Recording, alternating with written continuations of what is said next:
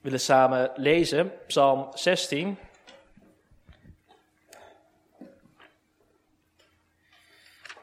Deze psalm willen centraal stellen de aankomende tijd, dus vandaag en volgende week.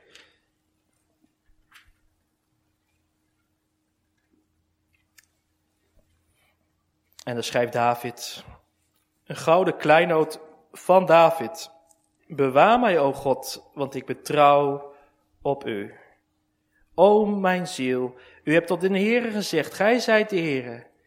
Mijn goedheid geraakt niet tot u, maar tot de heiligen die op de aarde zijn en de heerlijke, in de welke al mijn lust is. De smarten van degenen die een andere God begiftigen, die zullen vermenigvuldigd worden.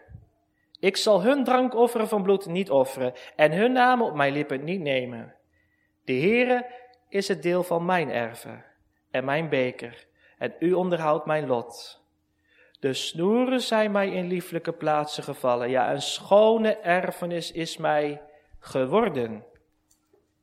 Ik zal de Heere loven die mij raad heeft gegeven, zelfs bij nacht onderwijzen mij mijn nieren. Ik stel de Heere gedurig voor mij, omdat Hij aan mijn rechterhand is, zal ik niet wankelen.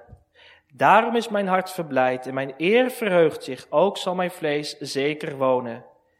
Want gij zult mijn ziel in de hel niet verlaten, gij zult niet toelaten dat uw heilige de verderving zie. Gij zult mij het pad des levens bekendmaken. Verzadiging van vreugd is bij uw aangezicht. Lieflijkheden zijn in uw rechterhand. Eeuwiglijk. We willen stilstaan bij vers 1 en 2 vooral, maar misschien wel even goed om vers 10 nog een keer extra uit te leggen, want dan denk dat als kind heb ik er altijd over lopen struikelen over vers 10, want dan staat natuurlijk, gij zult mijn ziel in de hel niet verlaten. En denk, hoe kan dat nou? Maar eigenlijk moet je het vertalen met het dodenrijk. Dus dat betekent dat David hier al beleidt, als ik kom te sterven, ik kom in het graf, u zult mij niet in dat graf laten, in dat dodenrijk. En ook mijn ziel niet, hè? want wij mogen weten dat als er iemand sterft, dat het lichaam in het graf gaat, maar dat de ziel bij de Heer zal zijn. Dus dat, dat beleidt David hier al, want gij zult mijn ziel niet in dat dodenrijk ook niet verlaten. Dus het zal niet in het dodenrijk blijven, maar die ziel zal gaan tot God. Dus voor dat woordje hel moeten we eigenlijk het woordje dodenrijk neerzetten. Wij willen dus stilstaan bij Psalm 16, daarvan de, ja, zeg maar de eerste vier versen, maar ik zal vooral stilstaan bij de eerste twee versen. Psalm 16 en daarvan dus de eerste vier versen, maar vooral willen we in deze preek staan bij de eerste twee versen. Centraal. Gemeente, de, de, deze psalm die begint met een gouden kleinoot van David. Dat woord is een beetje moeilijk te vertalen. Een gouden kleinoot, dat betekent het Hebreeuws een miktaan, een miktaan. Het woordje miktaan, dat heeft eigenlijk twee betekenissen. Het heeft te maken met edelmetaal, in dit geval dan goud. Maar die tweede betekenis is ook weer heel bijzonder. Iets wat heel belangrijk is. Zo belangrijk dat je het in wil graveren.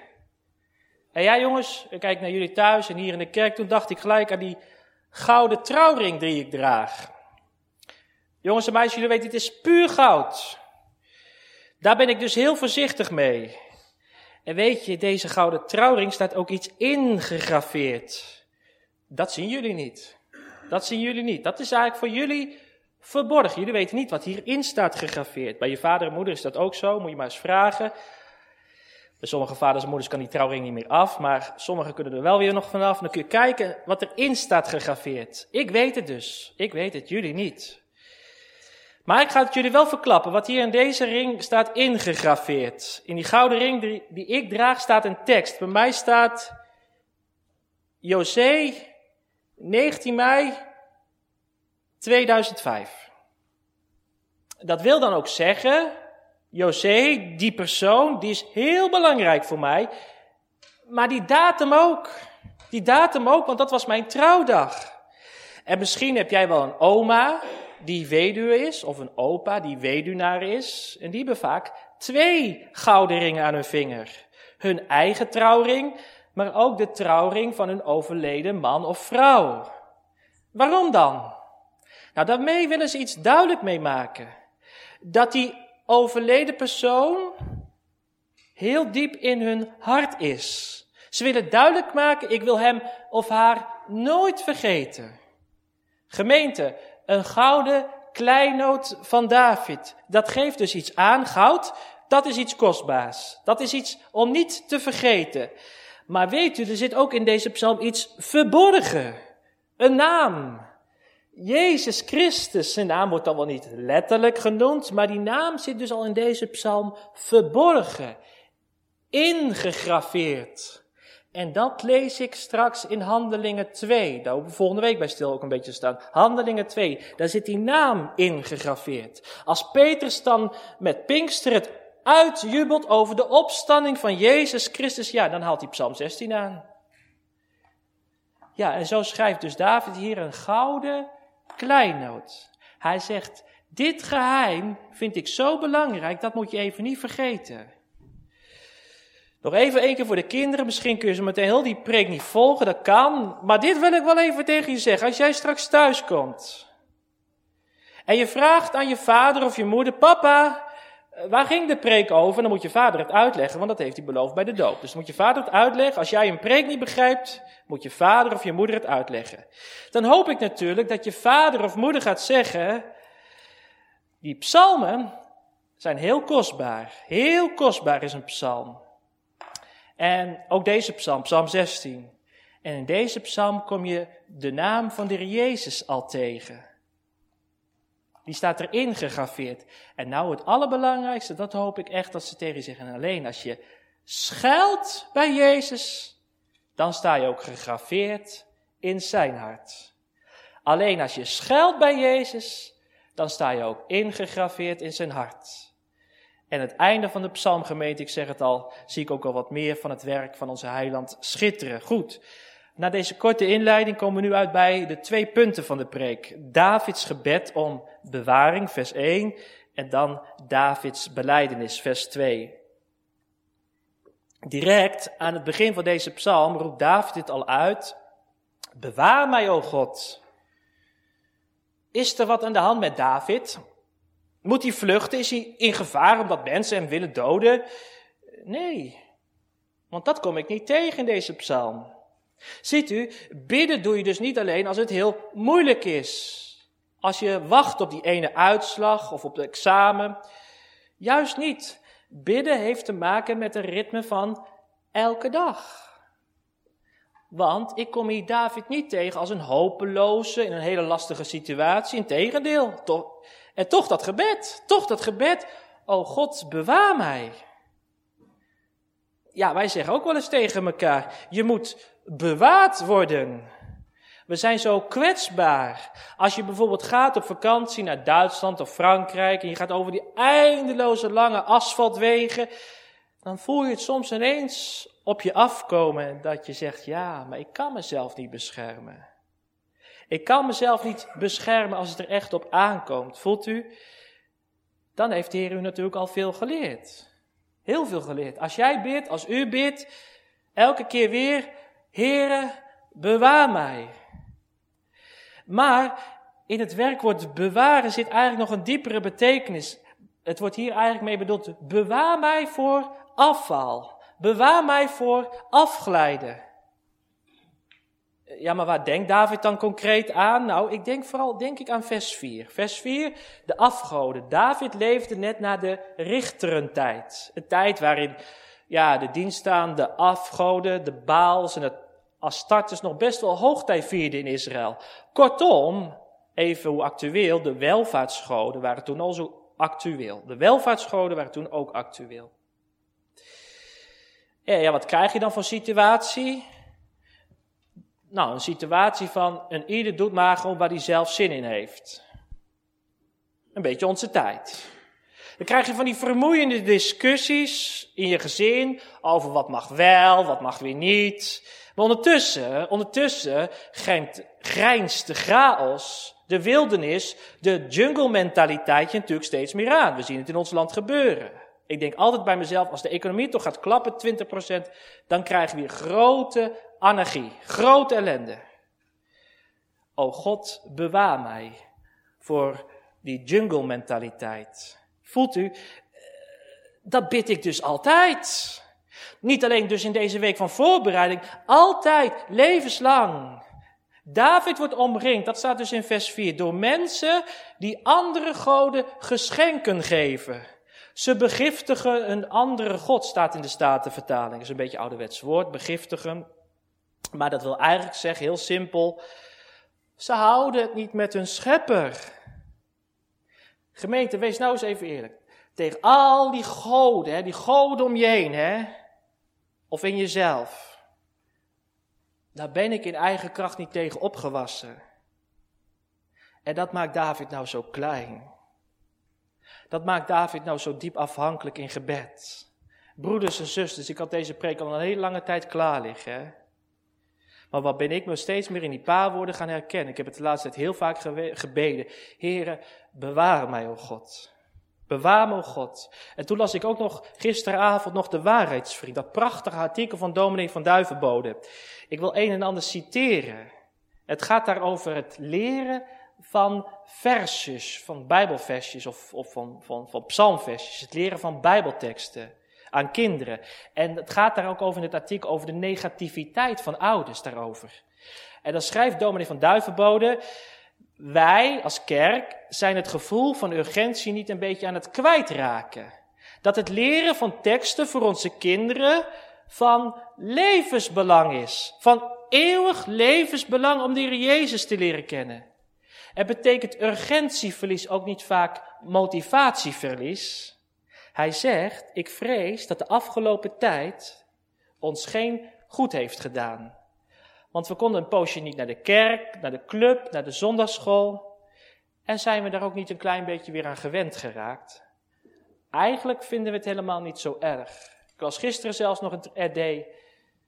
Sommigen missen het koffiedrinken meer dan het avondmaal. En dat verlammen werken, gemeente. Dat verlammen werken als ik aan denk. Nou, zo zei Duivenbode dat ook. Het verlammen, zei hij. Want, zei van Duivenbode, ik kan zelf dat leven er maar niet inblazen. Niet bij anderen, maar ook niet bij mezelf. En als ik niet oppas, raak ik zelf ook nog het gevoel van urgentie kwijt. Zo sluw is de duivel, dan raak ik zelf ook nog het gevoel van urgentie kwijt. Ik vrees, zegt hij, dat de erosie van God, met God, het leven met God, hè, dat gaat niet gepaard met een storm, zegt hij. De meesten van hier die weg zijn geraakt hè, uit de kerk, hè, die zijn niet met een storm weggeraakt. Maar het is een langzaam afstervingsproces geweest, hè, van binnenuit. Hè. Heel veel mensen zijn zo de kerk, denk ik, verlaten. Deeltje na deeltje sterft zo af. Terwijl het aan de buitenkant nog soms heel wat lijkt. Maar eigenlijk is er inwendig geen leven meer. En toen dacht ik, broeder, je hebt gelijk. Je hebt helemaal gelijk. Dan bid je steeds meer, want ik voel het aan mezelf. Bewaar mij, o God, voor dat langzame, langzame sterven. En dan kijk ik naar de kinderen van Rehoboth. Hè. Ik hoop ze straks volgende week weer te zien. En je denkt wel eens bij jezelf, zou al nou die kattegezanten nog tijd vinden om een dagboekje te lezen? Kijk even naar jullie jongens. Vind je nog tijd om elke avond even een dagboekstukje te lezen? Of sterven die kinderen ook af? Hè? Langzaam, langzaam. Ze worden zo weer meegenomen door de waan van de dag. Ja. En thuis aan tafel laat ik maar gewoon voor mezelf spreken. Dat is misschien het meest veilig voordat je. Dan gaat de telefoon bij mij weer. Er komt weer een appje binnen. En je denkt, nou, nee, ik neem niet op. Maar ondertussen, als ik die Bijbel aan tafel met lees, ik kan weer niet concentreren. Het komt niet binnen. Gemeente, denk er nou eens over na. Voelt u die goden, die drukken maar op mij, zodat ik maar geen tijd heb om Gods aangezicht te zoeken. Ik, kijk gemeente, ik zie ook dingen gebeuren in gezinnen waar ik denk, hoe, kan het, hoe kun je het nou toelaten? Hè? Dat je sommige jonge kinderen al met een mobiel ziet rondlopen, hè? van tien jaar. Ze mogen alles doen ermee. Ik denk, ik kun beter een kind van tien jaar een drankfles in de handen drukken. Echt waar, echt waar. Daar gebeurt nog niet zoveel mee. Kijk, mag natuurlijk ook niet, maar ik denk, voel je nou niet het gevaar, hè? Kijk, ik zie mensen ook allerlei risico's vermijden om maar geen corona op te lopen. En daar zeg ik echt geen kwaad woord over. Maar wat een risico's, wat een risico's nemen wij en onze kinderen toch op weg naar de eeuwigheid. Het lijkt wel of iedereen net op het randje aan net zalig wil worden, hè? Net aan, net aan. Terwijl het net zo ruim kan. Gemeente, dan kan ik het wel eens uitzuchten voor mezelf, voor mijn kinderen, Voor u, dan zeg ik, me. Bewaar me en mijn kinderen. En gelijk zegt David erachteraan, want ik betrouw op u. Ja, en hoe mogen we dat nou uitleggen tegen elkaar? Hoe mogen we dat uitleggen? Richting het avondmaal ook. Nou, gaan we richting het avondmaal. Nog te veel mensen, ook helaas hier in onze gemeente, wachten bij het heilige avondmaal op de verzekering van het geloof. En als dan eindelijk de verzekering er is, dan, ja, dan willen ze ook een keer aan het avondmaal. Nou, gemeente, een verzekerd geloof, dat is prachtig. Ik kom ze hier tegen, mensen met een zeker geloof. En dat wil de Heer u ook geven hoor, een zeker geloof. De Heer wil niet dat u een tuimelpoppetje bent hoor. Zo, hij wil zekerheid geven. Dat weet ik zeker. Daar wil de geest ook met u naartoe werken hoor. Echt waar, naar de zekerheid. Maar gemeente, de zekerheid ga ik dus niet in mezelf vinden. Maar die leer ik nou te vinden. Als ik al mijn nood, al mijn zonde breng bij hem die zo betrouwbaar is. Zo leert de Bijbel ons dat toch? Die zekerheid vind ik als ik al mijn nood ga brengen bij hem die betrouwbaar is. Er moet geloof zijn, jazeker. Volgende week moet geloof zijn om avondmaal te vieren, jazeker. Maar dan zou ik ook tegen u willen zeggen, er moet ook geloof zijn als u gaat trouwen. Want als je het huwelijksformulier goed leest, dan moet er ook geloof zijn. En als je doopsformulier goed leest, dan staat ook op de kleine kinderen van de gelovigen te dopen. Dus je kunt ook niet gaan dopen zonder geloof. Geloof moet er zijn, echt waar.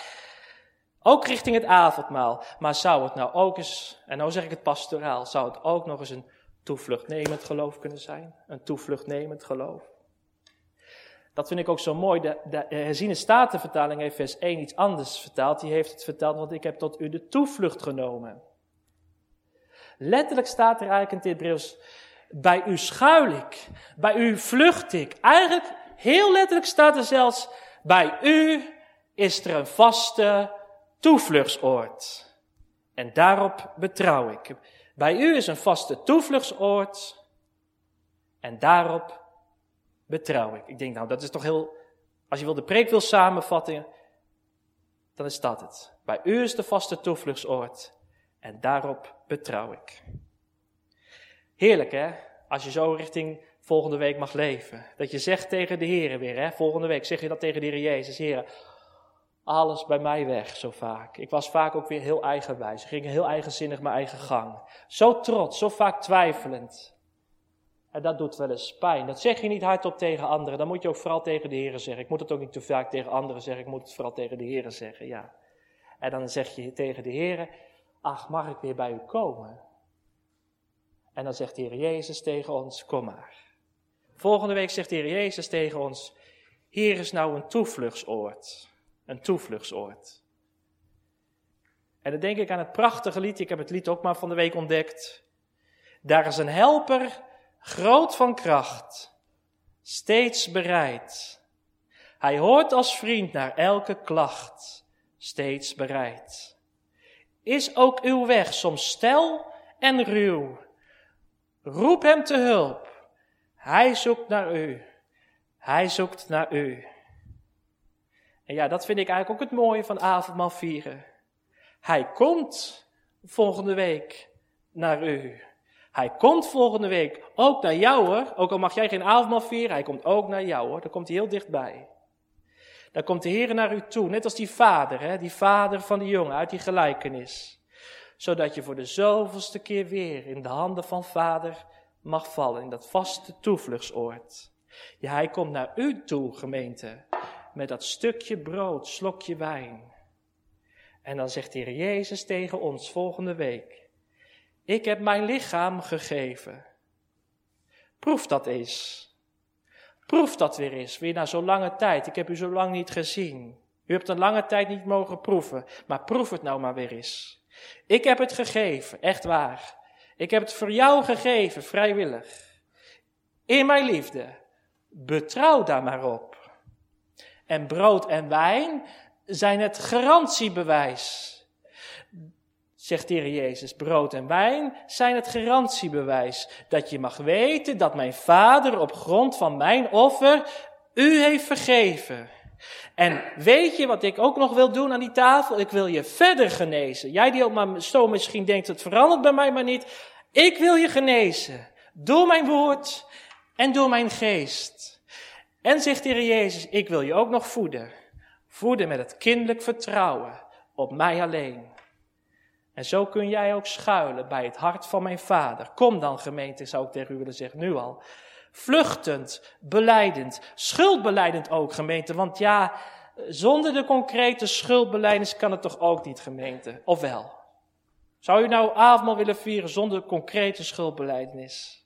Ik denk dat je dan ook de Heilige Geest zou bedroeven. Maar kom wel, met uw schuld, met dat toevluchtnemende geloof. Gemeente, misschien laat ik het dan maar heel persoonlijk voor mezelf zeggen. Ik heb daar lang mee getopt met het avondmaal. Totdat mijn eigen vrouw, José, tegen mij zei. Maar je mag ook aangaan met een toevluchtnemend geloof. En er is ook geen ander geloof, gemeente, dan een toevluchtnemend geloof. Je toevlucht nemen tot Jezus. Ja. Tweede punt, de beleidenis. David spreekt in vers 2 tot zijn eigen ziel. Hij zegt daar, O mijn ziel, u hebt tegen de Heer gezegd, u bent de Heere. Ik denk dat iedereen wel eens even een keertje tegen zichzelf praat. Er zitten vast kinderen die dat doen. Dan praat je gewoon hardop tegen jezelf. Dat vind ik altijd zo mooi als je kinderen hoort buiten spelen, dan hoor je ze gewoon tegen zichzelf praten. Dat is heel mooi om te horen. Dan praat je eigenlijk tegen niemand, maar je praat tegen jezelf. Je hoort dus kinderen wel eens langslopen, die dan hele verhalen gewoon tegen zichzelf vertellen. Nou, misschien is er ook hier iemand die niet zo lang geleden weduw of weduwnaar is geworden. U praat, u praat terwijl u alleen bent, hardop. Misschien wel tegen die foto. Wij vinden stilte moeilijk. En dan is het soms wel eens even fijn om de dingen voor jezelf hardop te verwoorden. Nou, dat doet David hier ook. Hij praat tegen zichzelf. Hij spreekt tegen zijn eigen ziel. Dat is soms nodig, gemeente. Als je in strijd bent met die smerige duivel, dan moet je eens even tegen jezelf aanpraten. Dan moet je jezelf er eens even bij pakken.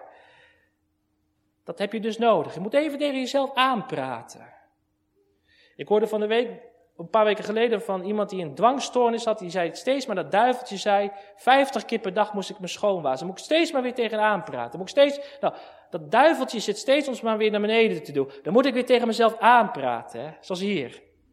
U hebt tegen de Heer gezegd, u bent de Heer. Het is dus ook tegelijk een beleidenis naar de Heer toe. Het is zijn ziel. Dat is dus het binnenste van je leven. Je ziel, dat is het meest intiem ook van je leven. Dat is nou je eigen ik. Dat is het, je eigen ik in optima forma. Wat zegt David tegen zichzelf? Wat beleidt hij eigenlijk naar God toe? U bent de Heere. En mijn goedheid is niet voor u. Mijn goedheid is niet voor u. En juist in dat korte zinnetje, die vijf woordjes, is net alles gezegd richting avondmaal. Mijn goedheid is niet voor u. Zes woordjes zeg ik. Ik zijn er vijf, maar het zijn er zes. Wat beleidt David eigenlijk hier in deze zes woordjes? Mijn goedheid is niet voor u. Nou, in feite beleidt David hier drie dingen. Ik kan u niks meebrengen. Ik mag niks meebrengen. En ik wil niks meebrengen. Ik kan niks meebrengen. Ik mag niks meebrengen. En ik wil ook niks meebrengen. David beleidt hier allereerst dan ook zelfkennis. Hij zegt dus hier, mijn goedheid is niet voor u, ik kan u ook dus niks meebrengen. Heere mijn God, ik ben niet in staat om iets van mezelf mee te brengen, wat ik dan mijn goedheid zou kunnen noemen.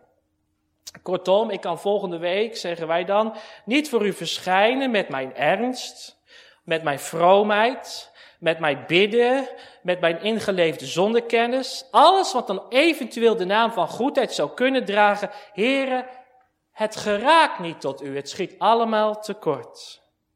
Nou, dat moeten we dus ook beleiden, hè? keer op keer. U bent de Heere. Mijn goedheid is niet voor u.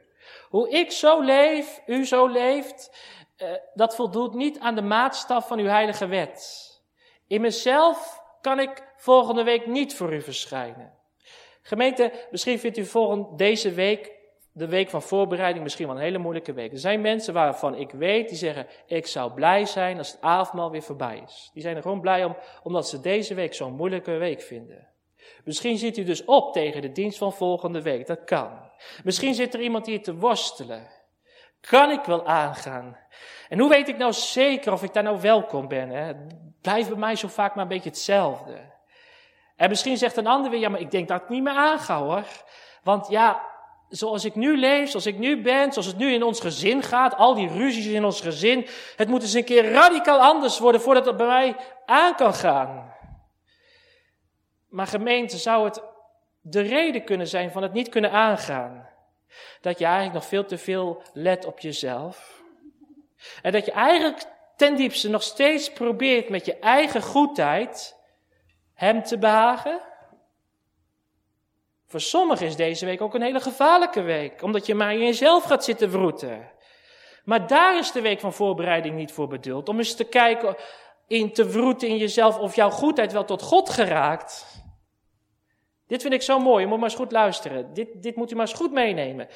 Paulus zegt eens tegen de Joden: Jullie hebben ijver tot God, maar niet met verstand. Jullie hebben zo'n ijver voor God, maar niet met verstand. Jullie willen alles zo graag goed doen voor God. Maar het is zo onverstandig, zegt Paulus. Er zit helemaal geen wijsheid in. Want je zoekt je eigen gerechtigheid op te richten. Is wat, hè? Jullie doen het niet met verstand. En sommige christenen zie ik ook heel ijverig voor God. Maar ik zie het niet met verstand, niet met wijsheid. U bent de Heere. Mijn goedheid is niet voor u. Dat is het eerste. Ik kan u niet behagen. Nu het tweede. Ik mag ook niks meebrengen. Ik mag het ook niet. Stel, gemeente, u gaat deze week een hele goede voorbereidingsweek in. Elke dag ervaart u Gods nabijheid.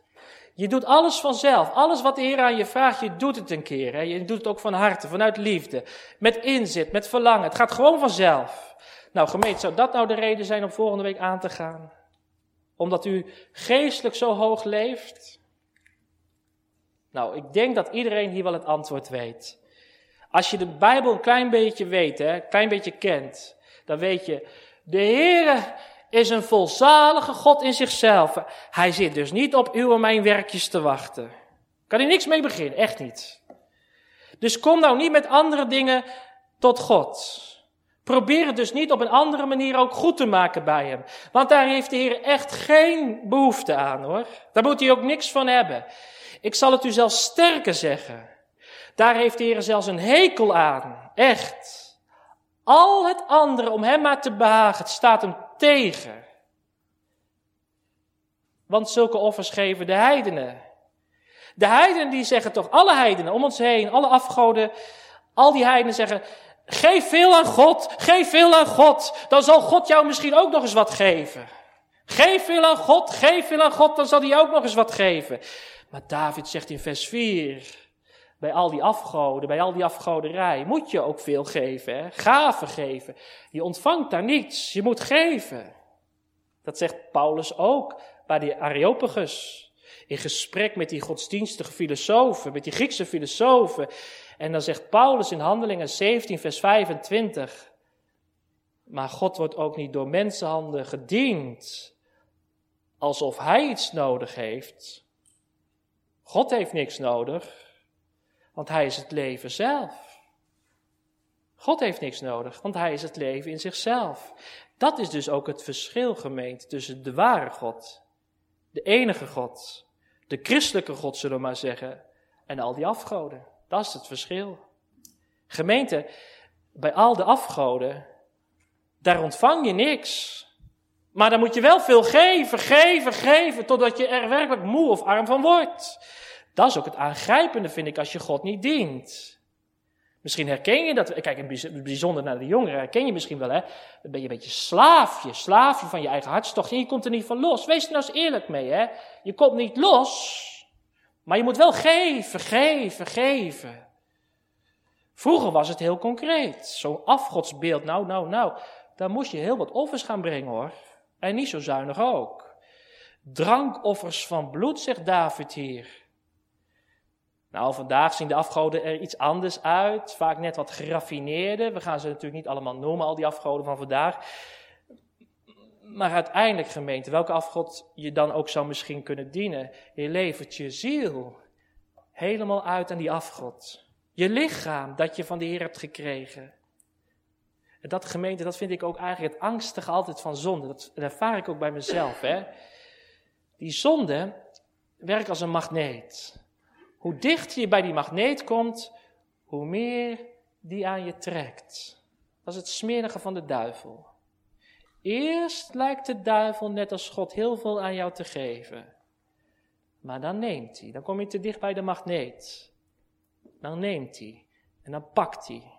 Dat is het smerige van die smerige bloedzuiger. Dan zuigt hij je leeg. En hoe dichter je ook weer bij die magneet komt, hoe moeilijk het ook los is te komen van die magneet. Degenen die hier in de zonde zitten te wentelen en te baden, die zullen dat toch herkennen. Hoe moeilijk het is los te komen van een slecht patroon. Daar kom je niet zomaar even van los. Maar God wil niets hebben. Hij wil alleen geven. Geven. Dat is het kenmerk van de ware God. En gemeente, al zouden we volgende week wat mee kunnen nemen. Al zou je volgende week wat mee kunnen nemen, wat we niet eens kunnen hoor. Maar al zou je het kunnen, mag het niet eens. Dan mag het niet eens. Want dan erkennen wij de Heer niet als een volzalige fontein. Een overvloedige fontein van alle goeds. Kijk gemeente, dat vind ik het mooiste bijna om te doen in het leven. Om over de Heer na te denken. Wie is die toch hè? En wie ga ik straks tegenkomen? Wat is die anders dan wij? Zo groot, zo heerlijk. Hè? Hij is zo oneindig groot. Hè? Een van de allermooiste antwoorden in de Nederlandse geloofsbeleidnis is toch wel artikel 1. Hè? God is een zeer overvloedige fontein van alle goeds. En daar is eigenlijk alles mee gezegd. Het is een prachtig beeld. God is als een fontein. Een fontein dat maar overstroomt, dat overstroomt van alle goeds. Licht, leven, liefde. Heel eenvoudig voor de kinderen gezegd, weet je, bij God is alles wat mooi is. Bij God is alles wat mooi is. Jongens en meisjes, je hebt vast van die, van die fontein. Iedereen is denk ik wel eens in Hogeveen geweest, hè? in het centrum van Hogeveen heb je die kleine fonteintjes in het centrum van Hogeveen. Hè. Komt allemaal water uit, uit die fonteintjes. Hè. En dat verspreidt zich alle kanten uit. Maar jullie hoeven toch geen emmertje mee te nemen om water te brengen in die fontein. Hè. Die hoef je toch niet leeg te gieten in die fontein. Jij hoeft die fontein toch niet vol te maken met jouw emmertje. Dat is natuurlijk zinloos. Dat, dat water dat spuit maar weer en dat gaat maar door. Nou, zo is God ook. Hij is een zeer overvloedige fontein van alle goed. Hij stroomt maar over van goedheid. En daarom is onze goedheid niet bestemd voor God. Psalm 50. Uh, wij hebben het net gezongen. Ik vind het zo'n mooie psalm, een van de mooiste psalmen, psalm 50. Waar de Heer dan zegt, maar als ik honger heb, hè, dan zou ik het u niet zeggen. En als jullie komen met dierenoffers, van wie zijn trouwens die dieren eigenlijk? En voor wie is dat geld eigenlijk? En voor wie is je tijd eigenlijk? Zegt de Heer. Voor wie zijn ze nou eigenlijk? Jullie komen met offers die eigenlijk voor mij zijn. Toch raar? Toch heel raar? De Joden, ze dachten ook, we moeten offers brengen bij God. Offers. God heeft offers nodig. Dan is hij misschien een keer tevreden. Als een soort voedsel voor de Heer. Nee, zegt de Heer in Psalm 50. Zou ik stierenvlees eten? Bokkenbloed drinken? Hoef ik niet te hebben. Ja, maar wat moeten wij de Heer dan geven? Ja, en dat zegt Psalm 50 ook zo mooi. Offer mij dank. Offer mij dank. En betaal de Allerhoogste uw gelofte. Dat is het enige wat de Heer van ons vraagt hoor. Wat wil de Heer nou in uw leven hebben? Alleen maar dank. Dank. Dat we Hem eens een keertje leren bedanken. En ik zeg het heel eenvoudig zo, maar zo eenvoudig is het niet. Maar dat we eens een keer bedanken, zo eenvoudig is het. Offer God dank. Danken voor zijn genade. Trouwens, daar wijst het woordje genade ook op. Hè? In het Latijn is het woordje genade, gratia. En daar wijst ons woordje gratis op. Maar dat woordje genade kom je ook heel, heel mooi tegen, genade, gratis, in het woordje Eucharistie. De meesten van ons weten dat wel, de Rooms-Katholieken vieren ook avondmaal, maar die noemen dat niet het heilige avondmaal, die noemen dat de Eucharistie. Is een heel mooi woordje eigenlijk. Eucharistie, want dat betekent dat is dankzeggen. Meer doen we dus niet aan die tafel. Eigenlijk klopt het ook niet zoals wij het vieren. In de ochtend het avondmaal en in de avond dan de dankzegging. Maar die dankzegging doen we eigenlijk al in de morgendienst. Want wat zeggen we daar volgende week als je aangaat aan die tafel? Dank u. Dank u. Ik kan niks meebrengen. En al zou ik het kunnen, ik mag het niet. Want heren, u bent een volzalige God. Een fontein van overvloeiende genade. En gemeente, anders zet ik gewoon een streepje door het woordje genade. Genade is geen genade meer hoor, gemeente, als wij er nog voor gaan werken. Het avondmaal is het avondmaal niet meer, als Christus niet aan armen kan geven. Het avondmaal is het avond niet meer, als Christus volgende week niet meer aan armen kan uitdelen. Echt waar. Ik kan niks meebrengen dus, dat was het eerste. Hè? In het eerste toont een kind van God dus wat zelfkennis, godskennis, sorry. Ik kan niks meebrengen, maar ik mag het ook niet. Het tweede dus, hè, dat is dan ook wat meer. Uh, nee, sorry. Het eerste toont dus dat kind van God zelfkennis. Ik kan het niet, ik kan het niet. Maar ik mag het ook niet. Dat is de godskennis. Hè. Dan ga je ook God leren kennen, maar ik kan het ook dus niet doen. En ik mag het ook niet doen. Het laatste, ik wil het niet. Nog heel kort toont een kind van God ook Christuskennis. Ik wil het niet volgende week. Ik wil ook niks meebrengen volgende week. We noemen nog één keer Paulus. Wat zegt hij? Paulus zegt zo mooi: Ik acht alle dingen schade en drek om de uitnemendheid van Christus. Alles kan zo de vuilnishelp op, zegt Paulus. Als je maar Christus mag kennen. Alles wat voor mij is, maar kan zo de vuilnis op. Maar de uitnemendheid aan de kennis van Christus. En zo zegt volgende week een kind van God aan deze tafel. Ik wil ook niks meer meebrengen, want dan zou ik het offer van de Heer Jezus gaan omlaag halen, toch? Dan zouden we het offer naar beneden gaan halen, toch? Hij die zichzelf niet heeft willen sparen, hij die zichzelf heeft willen overgeven in die verschrikkelijke vloekdood. Voelt u gemeente, dan twijfelt u nog steeds aan het volmaakte over wat hij heeft gebracht. Ik zou daar dus ook mee ongelovig zijn. Ik zou daarmee aan twijfelen aan het woord. Wat Jezus voor ons sprak aan het kruis. Het mooiste woord wat geklonken heeft op deze wereld. Het is volbracht. U hoeft daar niet aan te twijfelen. Hij heeft alles volbracht. Je zou dan nog aan David de vraag kunnen stellen. Ja, maar David. Doe je dan als gelovige helemaal niks meer dan? Heeft een kind van God gewoon een beetje, nou ja, daaruit te leven gewoon? Hoef je dan niks meer te doen? Nou, dat is ook zo mooi in deze psalm. Vers 2 gaat verder naar vers 3. En daar staat, mijn goedheid of mijn goede werken, mijn inspanningen, die zijn niet meer voor u bedoeld. Om u daarmee te behagen. Maar die gebruik ik nou voor de heiligen die op de aarde zijn. Die gebruik ik nou voor de heiligen die op de aarde zijn. Luther heeft eens gezegd, een gelovige moet voor zijn medegelovigen een Christus zijn. Niet een christen, maar een Christus. Dus een gelovige moet voor zijn medegelovigen een Christus zijn. Zoals Christus zich volledig gaf aan zijn gemeente. Zo moet een avondmaalganger zich volledig geven, geven, geven, offeren, voor de gemeente. Voelt u dan gemeente avondmaal vieren? En dat weet u hopelijk ook, dat is toch geen individueel gebeuren. Dat is niet een zaakje wat je alleen met jezelf beleeft volgende week. Avondmaal kun je dus ook niet digitaal thuis doen. Dat kan natuurlijk niet, want daar hebben we de gemeenschap voor nodig. Het is volop een zaak van de gemeente, van de gemeenschap der heiligen. Denk eraan, avondmaal vieren is een zaak van de gemeente. Dat doen we dus fysiek met elkaar. Daarom ook die prachtige symboliek van die ene beker. Hè? Dat wil zeggen, we moeten leven uit hetzelfde leven. We moeten samen leven uit het bloed van Jezus. Nou ja, volgende week hebben we hebben normaal altijd twee bekers, hè, twee bekers. Volgende week zijn er dan wat meer bekers normaal twee, volgende week wat meer.